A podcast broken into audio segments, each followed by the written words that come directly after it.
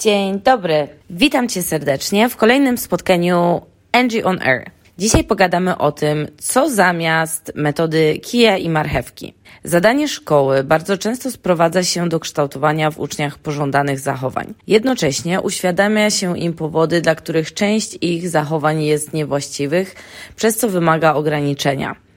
Jest to łatwe zadanie, a z pomocą od lat przychodzi znana wszystkim metoda kija i marchewki.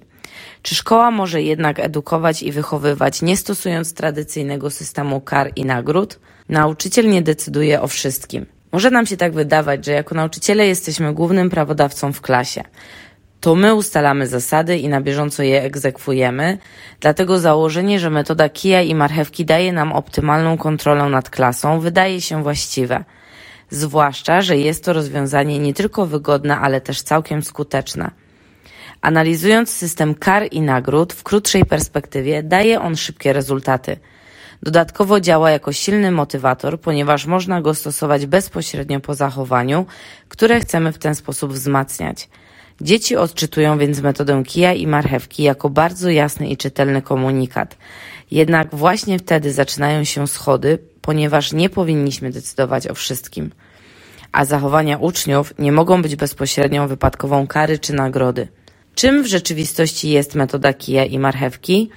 Jako nauczyciele musimy w każdej sytuacji mieć określone kary i nagrody w zasięgu ręki. Działają bowiem tylko wtedy, gdy są realnym następstwem danego zachowania. Dodatkowo z czasem rozwijają się do coraz bardziej zaawansowanych form, przybierając na sile. Zwykła pochwała czy słowna nagana przestają robić na uczniach wrażenie. Idziemy zatem o krok dalej. Tym sposobem bardzo szybko tracimy kontrolę nie tylko nad samym systemem, ale też nad zaangażowaniem dziecka. Dlaczego tak się dzieje?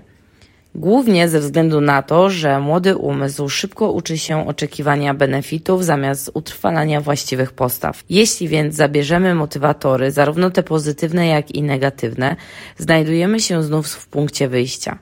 Uczniowie nie widzą bowiem sensu w zachowaniu, jakiego od nich oczekujemy. Co możemy zrobić w takiej sytuacji? Zamiast kar i nagród. Praca nauczyciela nie polega na ciągłym kontrolowaniu uczniów. Zamiast tego powinniśmy budować wspólną przestrzeń, która nie przetrwa, jeśli nadal będzie obowiązywać metoda kija i marchewki. Wystarczy, że pozwolimy dzieciom zetknąć się z naturalnymi konsekwencjami ich zachowań.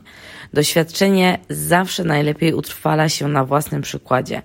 Pamiętajmy, Dzieci uczą się podejmowania słusznych decyzji poprzez podejmowanie decyzji, a nie przez kierowanie się cudzymi wskazówkami.